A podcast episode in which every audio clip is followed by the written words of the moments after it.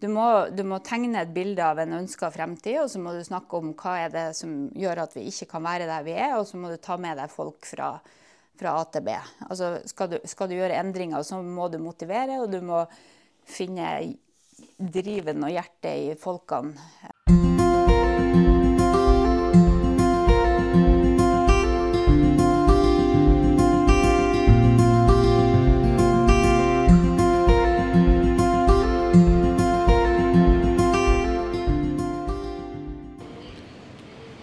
La oss snakke om lederskap i Pastorpodden i dag. Jeg heter Jostein Ørum, og Pastorpodden er en podkast fra Frikirken. Og jeg befinner meg nå på Værnes eh, flyplass. Jeg er på vei ut, og der skal jeg møte Lise Sagdal, pastor i Trondheim frikirke. Og jeg har gleda meg til å snakke med Lise om lederskap, for hun er kan mye om det. Hun har et eh, langt lederliv bak seg fra helt andre sammenhenger i kirka. Nå er hun pastor. Og eh, jeg tror hun har noe å melde om å lede folk. Der ser jeg Lise. Hun står klar med bilen og venter som avtalt. Hei, Lise. Hei. Så koselig at du kunne hente meg på flyplassen. Ja, det var en sann glede. Det er, du er, ja. det er så dårlig vær her. Ja, det, Men det pleier å være litt dårlig vær her, gjør det ikke det? Ja, si det. Ja. Nei, for nå nå har jeg gleda meg til å snakke med deg, men uh, nå også kjører vi til kontoret ditt, gjør vi ikke det nå? Jo. Da, da, gleder jeg meg til å se kirka di og snakke med deg om det å være pastor og det å være leder.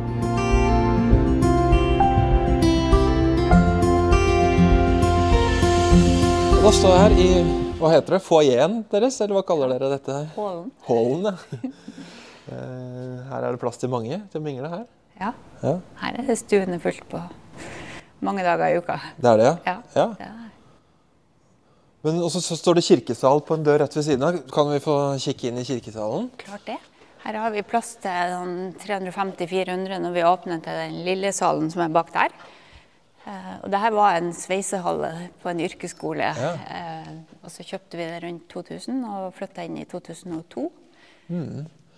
Men det står noe stillas eller noe som, noe som fikses. Eh, det er et lyst rom. Det kommer lys utenfra. Det er eh, ikke altfor mye pynt på veggene. Han er oppstanden, står det her. Det er noen gamle, gamle sånne ja. fine tepper som Ja, et kors tydelig foran. Rett over alteret. Og trommesettet er der som seg hør og bør. Ja. ja.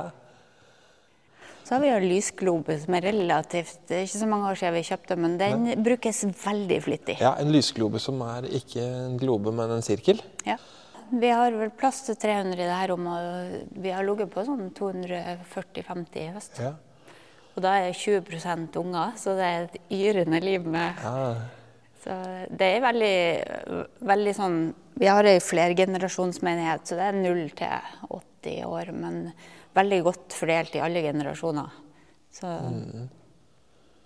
Og da går barna ut, eller?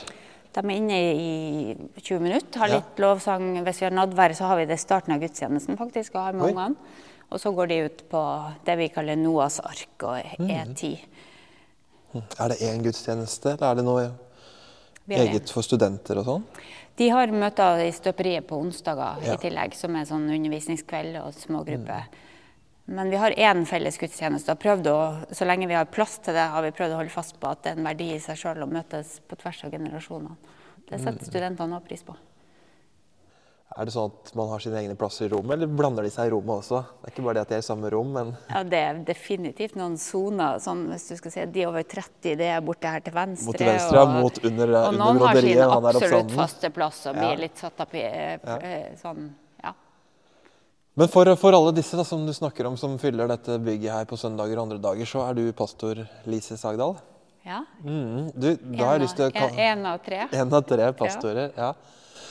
Kan vi gå og sette oss i et rom ved siden her, og så kan du fortelle meg hvordan i all verden du havna opp her? Ja. Hvorfor er du pastor her? Det kan jeg godt. I den grad jeg forstår det.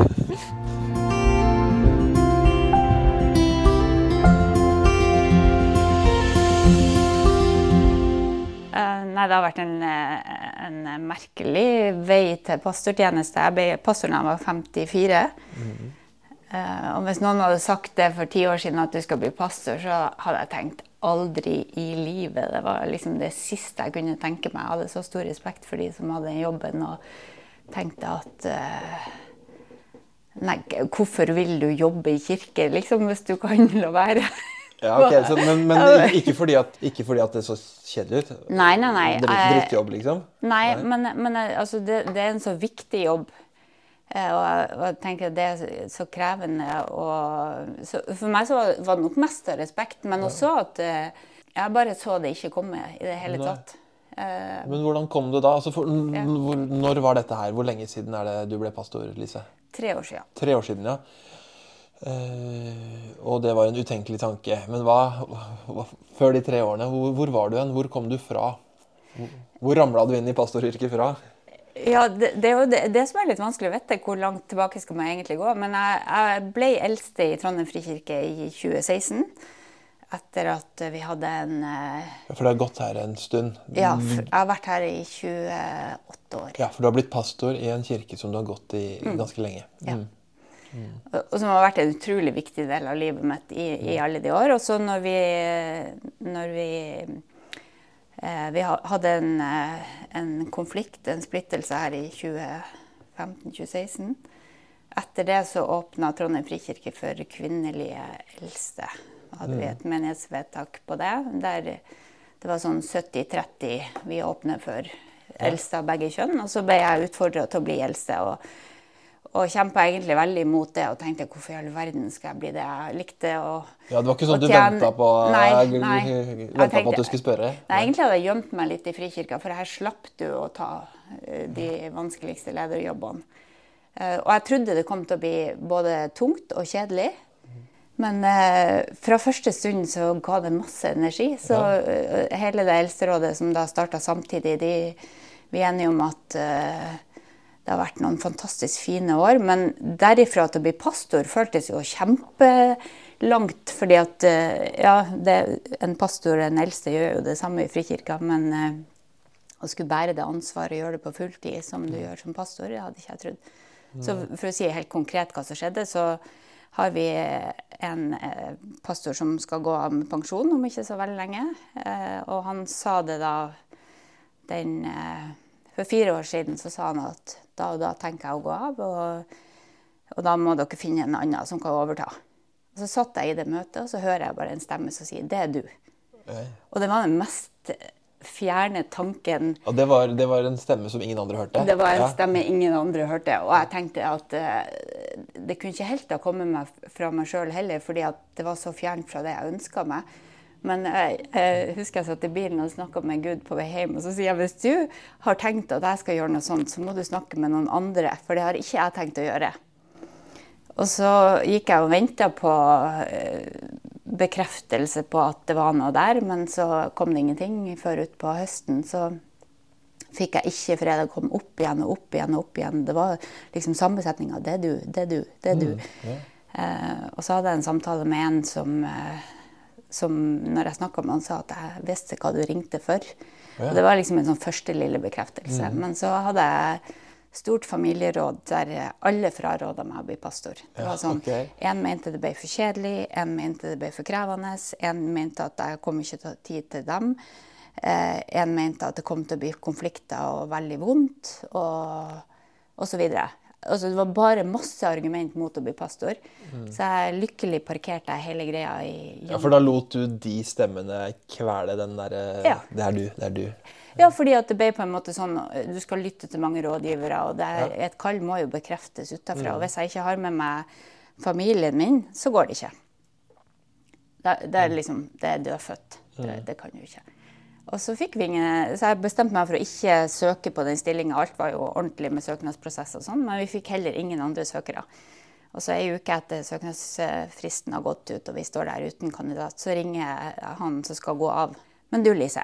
Men hvis du vurderer å bli med i et pastorteam der jeg jobber i 20% og så tar, eh, tar jeg en del undervisning, og så fordeler du og Ingebrigt det som er hovedpastorstillinga, så lager vi et team der vi jobber etter nådegaver. Og så blir jeg med en god stund fremover. Da må du kunne vurdere det. Og så er jeg bare sånn Nei, Helge, du har hele familien har vært med å bestemme at det her skal vi kjøre. Ja, men så sier han du skylder oss det.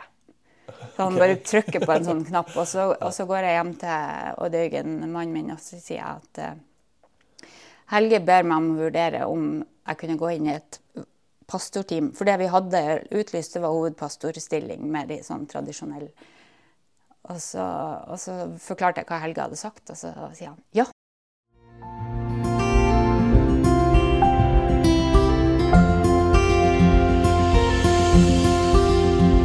Nå har jeg lyst til å høre litt mer om det. Nå har du sagt nå, hva du kom til. Du kom hit. Trondheim mm. frikirke, en pastor, en, en, litt sånn prosess som var en sånn berg-og-dal-bane av følelser og vurderinger, sikkert. Men nå har jeg lyst til å høre litt mer om hvor kom du fra?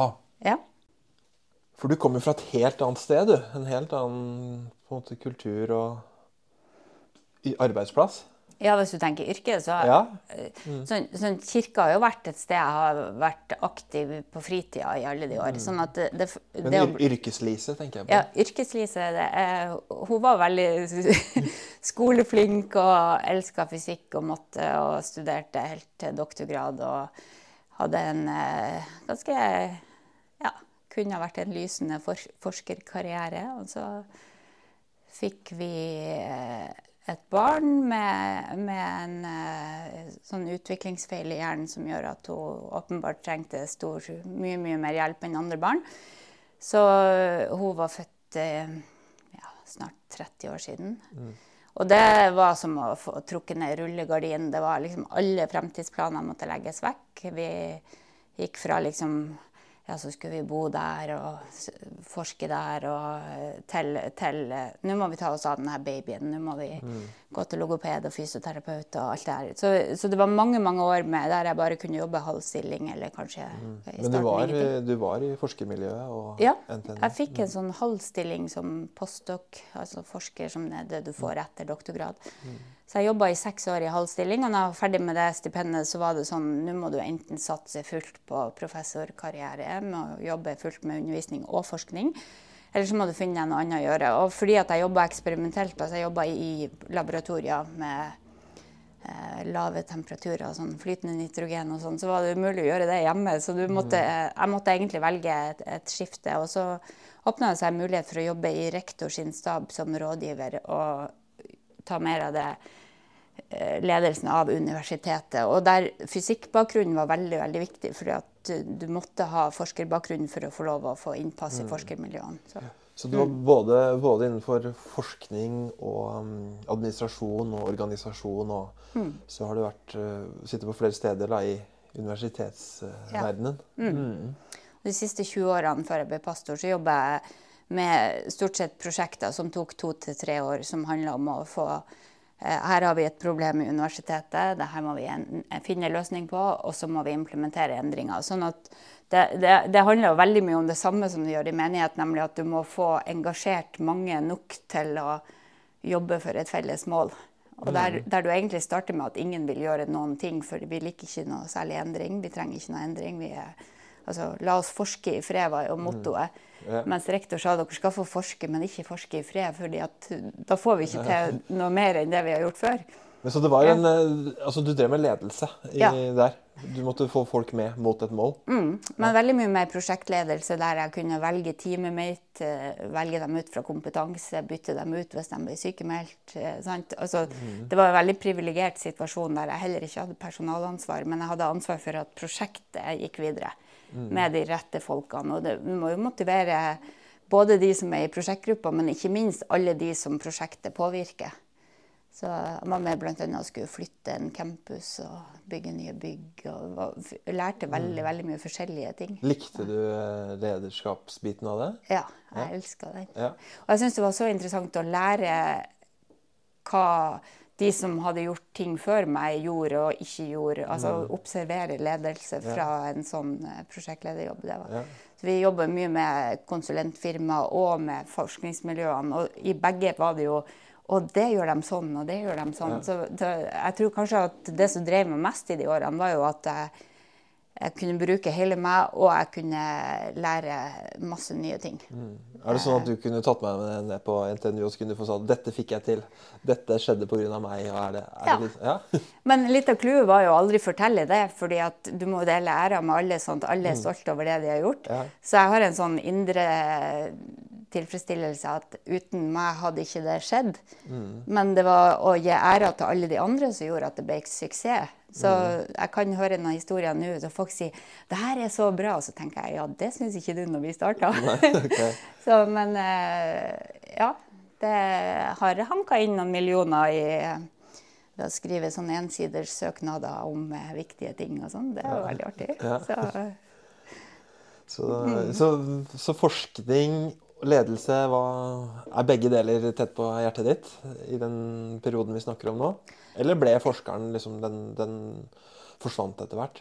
Forsvant nok etter hvert, ja. Mm. Så, så, eh, så, det er nok mer at jeg lærte å lære som forsker, og så bruker du den læreevnen. Det å sette seg inn i nye ting. Og veldig mye forskjellige mennesker som du skal eh, bli kjent med, få til å jobbe sammen. Altså det, det, å få til samhandling og få med at folk syns det, det, er artig og nyttig. Eh, det å finne ut hva skal man prøve å gjøre, og hva skal man virkelig la være å mm. gjøre. fordi at det fører ingen vei, eller det blir veldig arbeidskrevende. Eller, mm. ja. Og dette fikk du til å balansere med familiesituasjonen som ble annerledes enn dere hadde drømt om? å ja, fordi at det i, mye større, større, grad kunne skje hjemme. Så mm. jeg hadde nok noen år der jeg holdt på å tippe over der jeg jobba døgnet rundt. Eh, fordi at det var, så, det var så viktig å få fremdrift i noe. For hjemmesituasjonen var liksom om igjen og om igjen og om mm. igjen. Ting gikk veldig, veldig sakte. Ja. Pia skulle lære å gå, og det tok fire år å lære å gå. Mm. Sånn at, for jeg, jeg er sånn at jeg må se fremdrift og mm. veldig mye av det var veldig, veldig sakte. Mm. Så det å ha den NTNU-jobben der, eh, der, der, du visste at du kunne starte noe og ende en plass Med Pia visste vi aldri hvor langt hun kunne nå. Det var Nei. veldig veldig meningsfullt å hjelpe henne dit. Men mm. vi hadde ingen jeg, jeg, husker jeg brukte å si jeg skulle ønske jeg visste hvordan hun er når hun er ti, så kan jeg gå tilbake og leve en dag om gangen. Ja. Eh, men det var et helt ukjent mål. Vi, vi ante ingenting om hvor langt hun kunne komme. Ergo så var det jo òg uendelig mye vi kunne gjøre for å hjelpe henne dit. Så du sto i skvisen her da, mellom ja. omsorgsrollen hjemme og morsrollen og ektefellerollen, men også den der eh, karrierekvinnen som presterte og mm. utretta og jobba time på time? Ja, og som når jeg var opptatt med eh, barn og familie, tenkte at det er ingen som vil ha meg når jeg har tid til å jobbe. Sånn fordi at jeg følte at jeg mista et tog eller en mulighet, fordi at alle de andre gikk videre i sin karriere, mens jeg var eh, bremsa opp kraftig. Så jeg hadde veldig mye jeg, jeg tror jeg måtte bevise mye, ikke for alle andre, men for meg sjøl, når jeg kom tilbake i, i full jobb. Men Klarte du å ha samvittigheten din disse årene? Hadde du god samvittighet eller dårlig samvittighet uansett hvor du var? Eller klarte du å sortere det? Jeg tror altså jeg eh, prøvde å være til stede hjemme når jeg var hjemme, og være til stede på jobb når jeg var på jobb. Sånn at, å ikke ta med meg dårlig samvittighet for noe jeg ikke kunne gjøre. Men det var lettere når jeg reiste helt bort. Sånn hvis jeg, hvis jeg var i Oslo på jobbtur, så var det sånn Nå kan jeg i hvert fall ingenting gjøre. Så, så da uh, Men det var nok alltid et sånn Ikke dårlig samvittighet, men alltid et uh, jeg visste at jeg må gjøre så godt jeg kan eh, hjemme. Og det var viktig å, å ikke, ikke, gjøre mindre der enn Altså, det, det var pri én alltid. Ja. Og så ble det om å gjøre å putte mest mulig jobb inn i de lukene som jeg kunne jobbe. Mm. Men jeg jobba i mange år 25 timer i uka, og det var det jeg kunne jobbe. Ja. Resten var nattevåk og trening og møter. Men det høres ut som du likte jobben? Ja. de timene. Ja. Ser, øynene dine røper det. jeg hadde ikke lyst til å slutte heller. Pappa, pappa, lærte meg at du skal, du skal, ikke gjøre det du liker, men du skal like det du gjør. Jeg tror jeg hadde en sånn, litt ja. sånn holdning til ting at, eh, at, ja, det er viktig å gjøre det ordentlig. Og, mm. og også trives med det. Mm. Og så jeg glede i å gjøre mm. smått og stort. ja. Mm. Når du snakker om det nå, Lise, så høres det ut som du egentlig elska det du hadde. Og det, det livet og så, så, så, blir jeg så nysgjerrig på hvorfor da, hvorfor du sier fra deg det livet med påvirkningsmulighet og prestisje på NTNU, og sier fra deg alle disse hundretusener i, i lønnstrinn, og så, og så kommer du en pastorjobb i mm. Trondheim frikirke. Hva er, det, mm. hva er det som drar deg dit?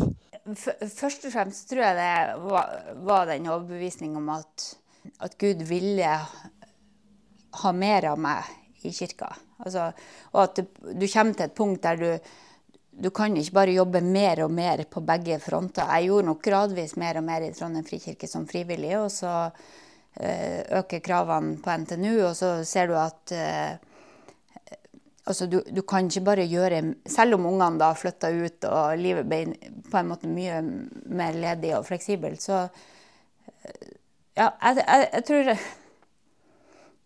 altså, det er jo ingenting som er så meningsfullt som å jobbe i menighet.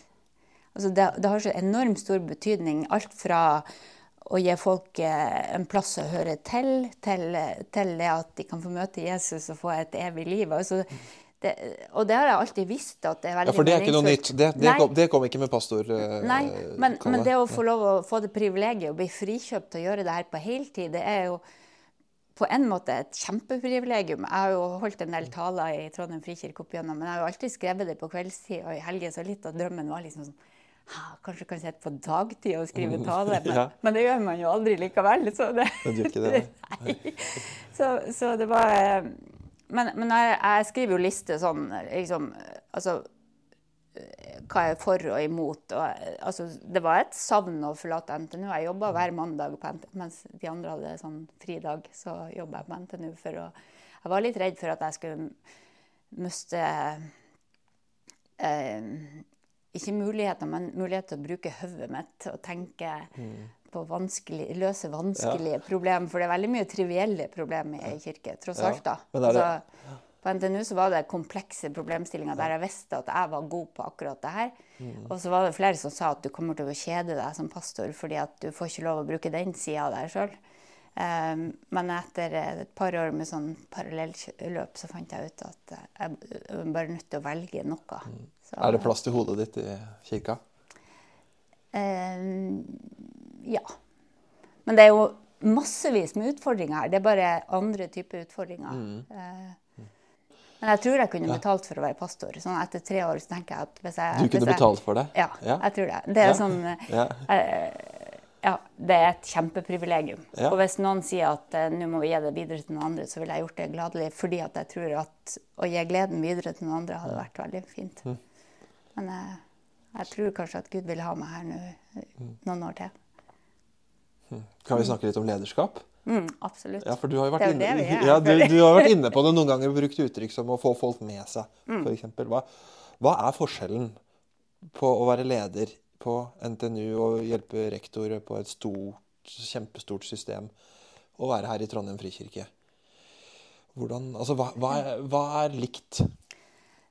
Det som er likt, det er vel at uh, du må få med deg folk på en måte som gjør at de syns det er meningsfullt og artig. Altså, på, på, professorer på NTNU de, de jobber med forskninga si og undervisninga si. Og hvis du skulle få til noe i tillegg til det, så måtte du forklare dem hvorfor er det her kjempeviktig, hvorfor er det veldig viktig at du er med, og hvordan skal vi få det til sånn at det kan bli nyttig for alle. Sånn at du må, du må tegne et bilde av en ønska fremtid, og så må du snakke om hva er det som gjør at vi ikke kan være der vi er, og så må du ta med deg folk fra fra A til B.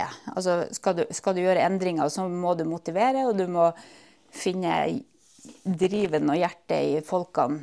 Eh, så det å lede frivillig og lede folk som egentlig kan sitte i jobben sin uten å være med på noe ekstra, det, det er veldig likt, egentlig. Så. Det er også noe likt med I helsevesenet så var det jo veldig om å gjøre å, hjelpe sånn at vi fikk den beste hjelpa for dattera vår.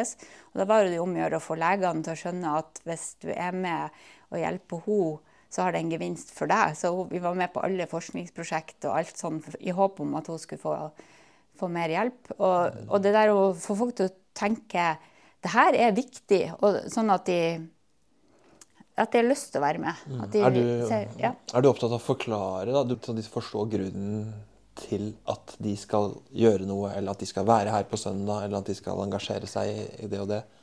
Ja, altså det å fortelle hvorfor det vi gjør er viktig, og, og, finne ord for det. For det er mange som tenker at ja, det er viktig å gå i kirka på søndagene, men, men å kunne forklare hvor viktig det er, og hva det betyr på mange nivåer. At det betyr noe for de andre som er her, det betyr noe for deg og, og din læring. Det betyr noe for ungene dine som ser deg komme i kirka, f.eks. Det å, å, fortelle hva vi gjør, hvorfor vi, eller hvorfor vi gjør det først, og så hva vi gjør. og så ikke ender opp med at vi har en masse aktiviteter, men vi, vi har et mål, vi har en visjon. Vi vil være sammen med Jesus og nå ut til mennesker. Vi har noen verdier som vi har skrevet ned, og vi har noen tanker om uh, det her er de målene vi jobber med de neste fem årene, og det her er det vi gjør for å nå de målene. Mm. Og det å systematisere sånt og, og tegne noen bilder av ønska fremtid Veldig mye handler om å vedlikeholde gode ting, men noen ting skal man starte opp og få i gang. Og da, det å kunne være den som minner om det her gjør vi fordi at det er viktig for sånn og sånn. Eh, hvis vi lar være å gjøre det, så vil det her og her skje. Eh, så ja, så jeg er nok en av de som, eh, som trives med å sette ord på hvor vi er, og hvor vi burde vært. Mm, hvordan gjør du? Hvilke arenaer har du for det, da? Eh, viktigste arenaen her er i i uh, menighetsmøte, workshops, få med eller jobbe med hele menighetsrådet og staben. Veldig mye skjer jo i stabsmøtet, som igjen formidles ut i Men mm. i Trondheim frikirke så legger vi veldig stor vekt på involvering. Og da handler det jo ikke om liksom, at alle skal si noe fra starten, men du skal få være med og reagere på noe. Sånn at hvis vi har tenkt ut eh, noen ideer, så tar vi de foreløpige ideene inn i menighetsmøtet. og så sier vi vil dere være med og tenke videre på det her, og så tar vi innspillene derifra tilbake i stab og menighetsråd, og så mm. kommer det tilbake. Så vi har tatt en del sånn att og fram, sånn at når, når vi har satt ned noen mål, at dette er det vi skal legge vekt på, så har det vært mulig å få eierskap underveis. Vi har fått med mange sånn at når vi har skrevet det ned til slutt, så er det sånn ja, vi var med på det her. Mm. Og da er det mye enklere å gjøre det. Ja. Så um, F.eks. For, for noen år siden så satte vi oss eh, mål å lage gode gudstjenester som det var lett å be med nye til. Og da speiler vi gudstjenestene mot det målet hele tida. Eh, mm. Lager vi gudstjenester som det er lett å be med nye til? Og hvis noen sier i en større gruppe nei, det gjør vi ikke, hva er det da som gjør at det ikke er lett? Er det, er det at det ikke er lett fordi at de møter Jesus, eller er det fordi at det er vanskelig med musikken, eller at vi har for mye liturgi, eller at det er for ukjent liturgi og sånn. Mm. Så, så, det å, å ha no, noe felles språk for det vi holder på med, mm. og så kunne løfte det fram og minne folk om at ja, men det er det her vi holder på med. fordi at det mm. glemmer man altså Menigheter glemmer jo Du kan være på ett møte, og så snakker pastoren om det på noen taler, og så er det sånn ja men, ja, men det var jo noe dere drev med. Så jeg har lyst til at det skal være noe vi driver med, ikke noe staben driver med. Mm. Um, så F.eks. å få opp et, eh, et eh, barne- og familiearbeid som gjør at ungene har lyst til å komme i kirka og drar med seg foreldrene. Så hvis vi snakker om barne- og familiearbeidet på den måten, så får du eierskap i alle generasjoner. fordi at selvfølgelig er det viktig å få med ungene i kirka, og at de får med foreldre og naboer og venner. Er Trondheim ja. frikirke en sånn um, menighet som går videre hele tiden? Altså som skal mot noe? Ja, men ikke på alle områder. Altså, vi, jeg tror vi er ganske bevisst på at vi lager oss sånn strekkmål der vi må strekke oss. Og så feirer vi veldig mye av det som vi opprettholder. Og, sant? Det er ikke noe med å lage revolusjon i et studentarbeid som fungerer. Nei. Eh, men hvis det plutselig kommer mange færre, eldre, at alle de her studentene blir eldre og eldre, så må vi jo se på eh, hva, er det vi mangler, hvorfor kommer det ikke nye unge inn? Altså, eller hvis du mister en generasjon et eller annet sted i menigheten, så må du ta tak i det. Så eh, jeg tror vi absolutt vi er Vi blir flinkere å takke og sette i ro på ting som faktisk går bra, og så fokusere på det, det som, vi, som ikke går så bra.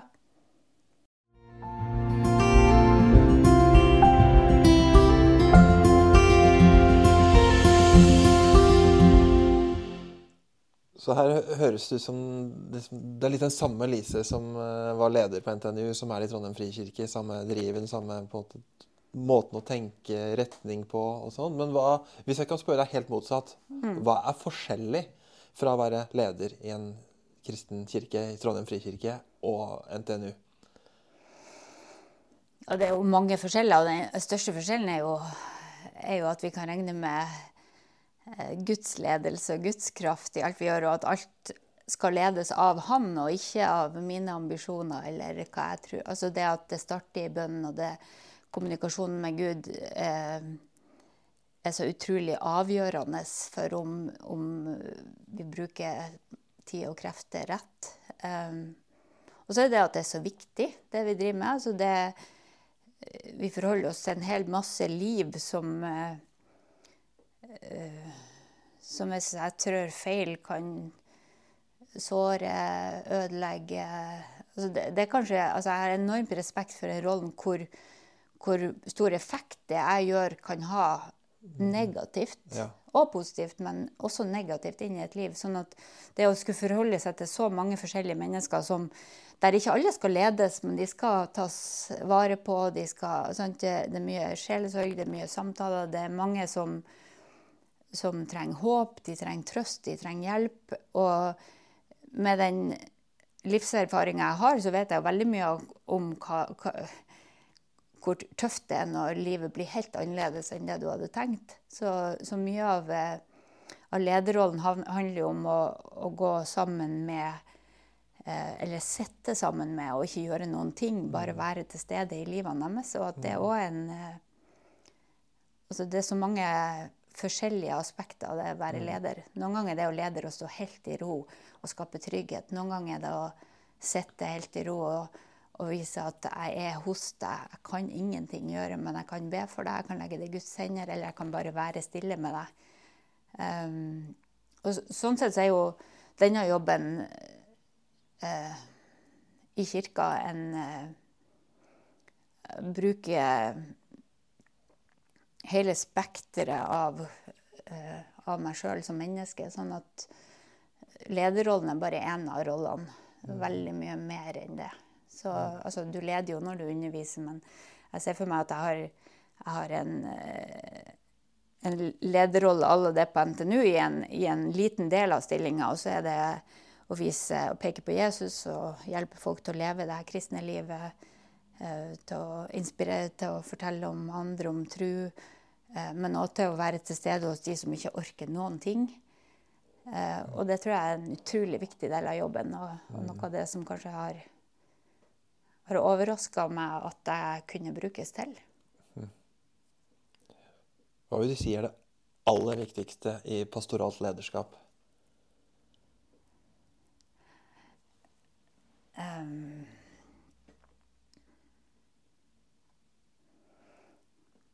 det forutsetter at jeg forstår hva pastoralt lederskap er. Og det tror jeg defineres utrolig forskjellig. Ja. Så, men for meg så er, er altså motivet for det du gjør, må være på plass. Altså, jeg er her for å tjene Gud mm. og mennesker i kjærlighet. Og hvis jeg ikke får det jeg trenger fra Gud, så er jeg overhodet ikke i stand til å gjøre det. Altså den øh, Det å få lov å tjene det tror jeg har vært et sånn kall for meg lenge. Jeg, på NTNU var det veldig mye konkurranse, men det lå hele tida bak. Jeg har lyst til å tjene, jeg har lyst til å, å gjøre ting for at skal uh, vi skal gjøre noe som er større enn oss sjøl. Også i pastoralt lederskap. Uh, motivet må ikke være min karriere, men hva kan jeg gjøre for andre? Hva kan jeg være for andre? Um, så tror jeg man trenger mye visdom og dømmekraft, for det er utrolig mye ting du kan gjøre veldig galt i menighet. Alt fra å bare stresse opp ei forsamling til å skulle kaste om på ting som oppleves som veldig viktig for noen. Så det å gjøre, sånne, å gjøre det i takt med en menighet og hjelpe en menighet skritt for skritt, sånn at du ikke kommer med en ny idé, og så skal du kaste om på ting eh, over natta. Og så tror jeg det å kunne lede seg sjøl er veldig viktig. Altså det å, å evne å eh, både ha noen gode grenser, men også å få gjort ja, hvordan, det du Hvordan lærer man det? Å lede seg selv?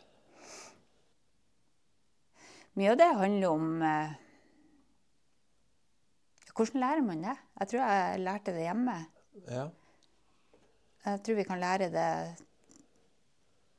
gjennom hele livet. Uh, finne ut når på dagen eh, uh, hva, hva, er den beste tida på dagen å gjøre ulike ting, f.eks. Altså finne ut mm. når er du mest våken, når fungerer du best, og så mm.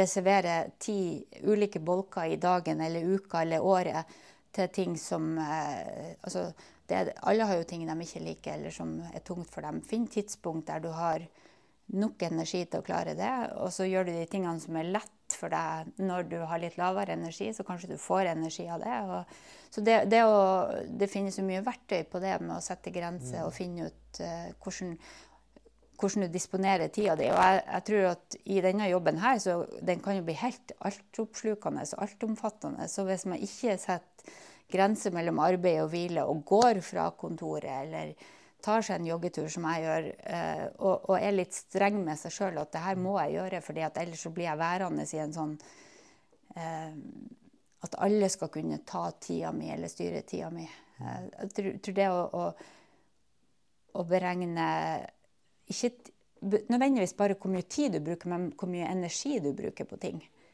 Jeg er sånn som engasjeres av alt, så jeg må passe på å ikke bli engasjert. Altså, Det er noen ting jeg ikke skal engasjere meg i. Holde igjen? Ja. ja. Og, og, da å si at det der eh, engasjerer deg så mye at du bruker opp energi du skulle ha brukt her. Mm. Så når det startes en samtale i lunsjen som jeg vet jeg har masse mening om, så hender det at jeg må gå, fordi at ellers så engasjerer jeg meg i den, og så bruker jeg opp kruttet som jeg skulle brukt på taleskriving eller en samtale etterpå. Uh, og jeg kan ikke starte sånne ting klokka ni om kvelden, for da får jeg ikke sove. Så, så jeg må finne ut når på døgnet uh, kan jeg være helt engasjert, og når må jeg roe ned. Er det litt det samme som når du snakker om hvordan man skal få en menighet eller et universitetsmiljø til å bevege seg fra det til det? Er det litt det samme at hvordan skal jeg som menneske, jeg som pastor for den saks skyld, ja. kunne bli og bevege meg dit mm. og få gjort det jeg vil, og være den jeg vil være, ja. så må man ta noen valg. For det er et veldig godt spørsmål. Hvem vil jeg være? Og det, det, um, det å stille det uansett hvilken jobb du har, hvem vil jeg være? Og så ta en sjekk sånn år for år. Blir jeg den jeg vil være, eller blir jeg mer kynisk, mer aggressiv, mer sur, mer sint. Mannen min sier at jeg blir det bedre kone av å bli pastor. Okay, hva, hva, er grunnen? ja, ja, eh, jeg tror, tror, det er litt sånn eh, Vi har, vi har noe felles som, eh, som, har grepet han også, sånn at vi, vi snakker mye mer om eh, tru og liv hjemme. Vik, kirka er blitt viktig for oss begge på en måte som det egentlig aldri har vært. Vi ber mer sammen. Vi, sånn, men, men, men det der å finne noe å gjøre som gjør at du blir mer den du vil være. altså Mer den Jesus sier du skal være. Mm, ja. eh, og denne jobben kan jo absolutt ta livet av alt du vil være, mm. hvis, hvis, du ikke passer på. Så, så det å lede seg sjøl inn i stillhet, lede seg sjøl inn i hvile, eh, finne rytmer gjennom året som gjør at man tar pauser der man kan hente seg ordentlig inn. Eh, setter grenser for Jeg setter ikke grenser for hvem som skal henvende meg, men jeg setter grenser for når jeg skal respondere. Mm. Sånn at Du må gjerne sende meg mail døgnet rundt, men jeg prøver å samle opp sånn at jeg ikke blir sittende og svare hele tida. Ja. Eh, så, sånn sett så er det det å lede seg sjøl likt med å lede andre. Du må finne struktur på det. Men det er jo ofte annen motstand i seg sjøl om man kjenner seg sjøl, så jeg sier ikke at jeg lykkes, men uh, det jeg, jeg, blir fortsatt altfor revet med med ting. Så jeg har masse sånne bjeller som ringer når Nå er det det du holder på med. Nå er det det du holder på med. Ikke. Ja, for det, Du sier bjeller som ringer. Er det inni deg, eller har du noe system rundt deg som kan avsløre når du er i ferd med å bli en du ikke vil være, eller bli distrahert til uvesentligheter og sånne ting? Hvordan, hvordan kjenner du det igjen? Ja, noen, noen er sånn indre bjelle eller blinkende lampe, men, men noe er òg at jeg Eh, hvor lang lunte har jeg når jeg blir avbrutt, eller når noen provoserer meg. er veldig sånn jeg, når, eh, når, noen ringer og skal ha noe rimelig, hvordan reagerer jeg? Altså, Reaksjonsmønsteret følger jeg veldig nøye med på. Ditt, e- jeg, ditt eget, du observerer ditt eget reaksjonsmønster? Ja. ja. Prøver å se meg sjøl utafor og se hva er det eh, Eh, hvis jeg blir urimelig irritert eller veldig brått emosjonelt eh, aktivert av noe, ja. så vet jeg at da er jeg på vei i en feil retning.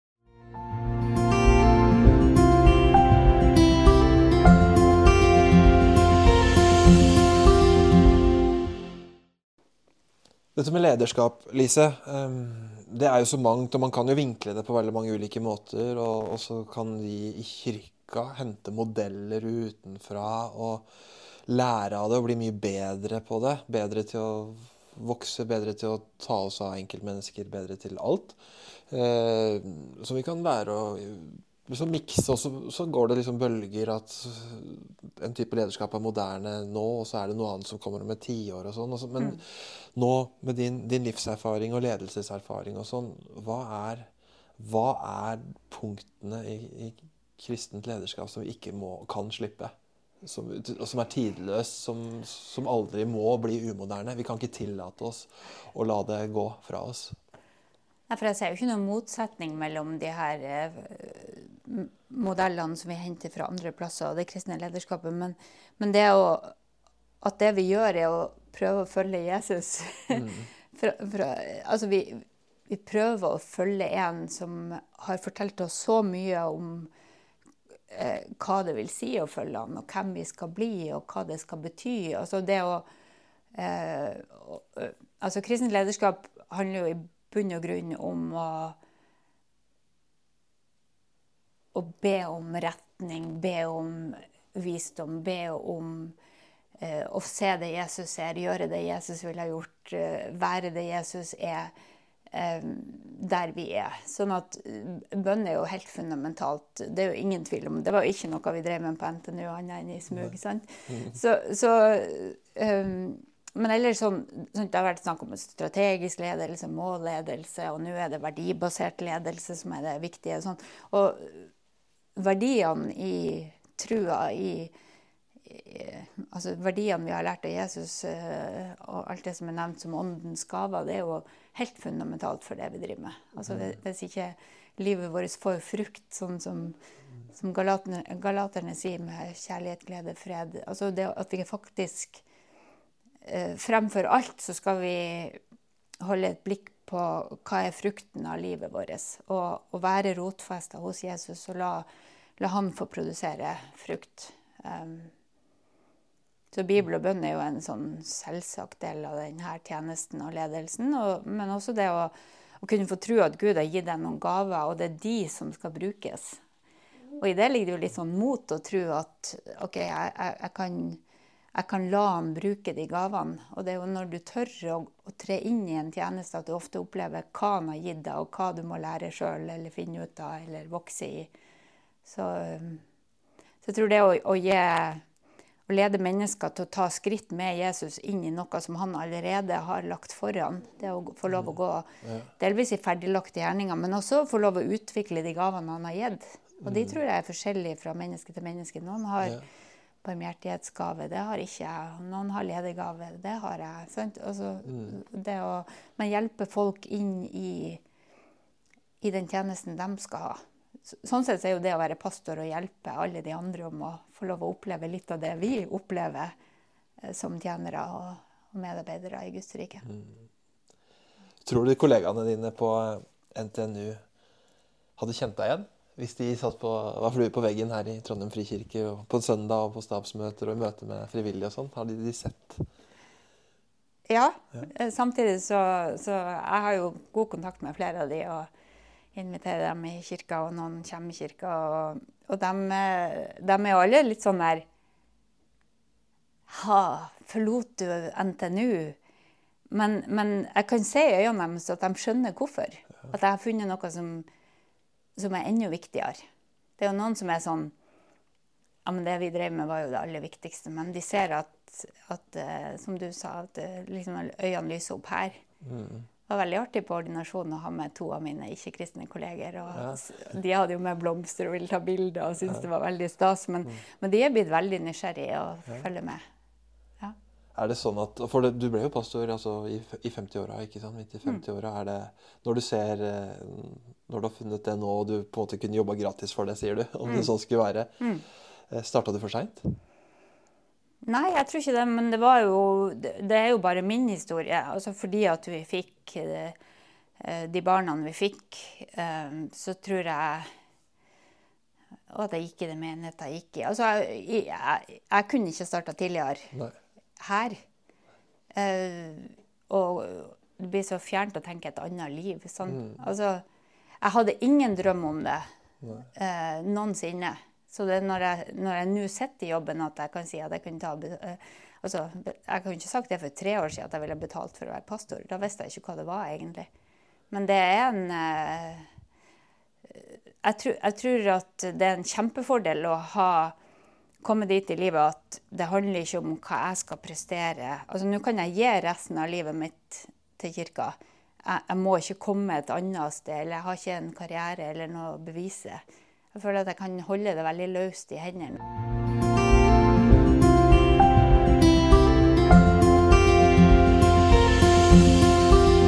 Takk til Lise Sagdal for praten, og takk til deg som hørte på.